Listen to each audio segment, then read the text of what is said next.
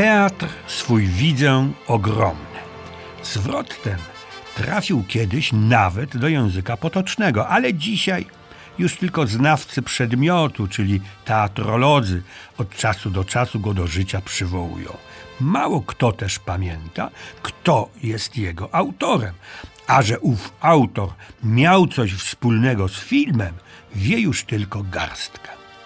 Mowa o Leonie Schillerze, jednej z najwybitniejszych osobowości polskiego teatru, znakomitym, nowatorskim reżyserze, którego, jeśli tak można powiedzieć, specjalnością był monumentalny teatr poetycki. Stąd to wyznanie, hasło, teatr swój widzę ogromny.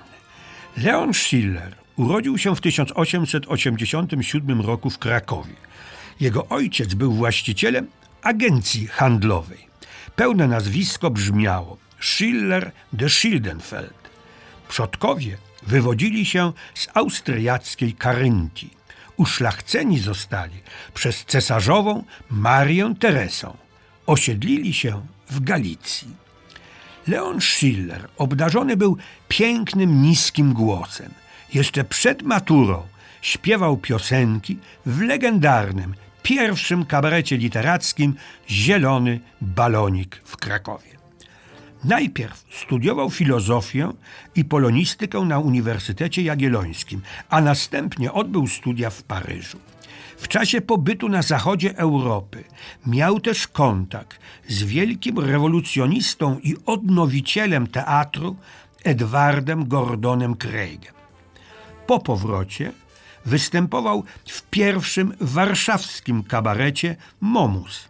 Wtedy też doznał bolesnego zawodu miłosnego, próbował nawet odebrać sobie życie. Na życzenie ojca ukończył kurs w Akademii Handlowej i pracował przez pewien czas w jego biurze. Ważniejsze dla niego były jednak kontakty z wybitnymi pisarzami Władysławem Reymontem, Andrzejem Strugiem czy w Szwajcarii ze Stefanem Żeromskim. Jego działalność była bogata i urozmaicona. Pisał i publikował artykuły w prasie, uczestniczył w wystawach malarskich, odbywał liczne podróże zagraniczne, brał udział w porankach pieśni żołnierskich w 1915 roku, służył w pomocniczych oddziałach austriackich, studiował kompozycję w Wiedniu. Jako reżyser teatralny zadebiutował w Teatrze Polskim w Warszawie w 1917 roku. Wszystkie kolejne jego przedstawienia były wydarzeniami, choć tradycjonaliści oczywiście sarkali. Również jego zaangażowanie społeczne po lewej stronie budziło niesmak i zgorszenie polityczne i artystyczne. Leon Schiller, bodaj największy w latach dwudziestych i trzydziestych niespokojny duch polskiego teatru, współpracował też z teatralnym ruchem amatorskim, zaś w polskim radio inscenizował dziady Mickiewicza. Z wielkim zapałem zajmował się też pracą pedagogiczną. W czasie II wojny światowej przeciwny był jakiejkolwiek współpracy z Niemcami.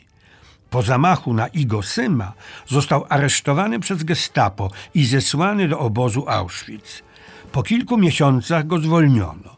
Pracował w tajnej radzie teatralnej. To w jego mieszkaniu odbywały się jej posiedzenia. W roku 1943 zamieszkał w Henrykowie pod Warszawą, gdzie wystawił z wychowankami sióstr benedyktynek w czasie świąt Bożego Narodzenia po raz pierwszy swoje sławne pastorałki. Został też wtedy oblatem benedyktyńskim, przybierając imię Ardalion. Podczas powstania warszawskiego dawał koncerty dla żołnierzy. Znalazł się w Oflagu Murnau, gdzie uczestniczył w życiu teatralnym.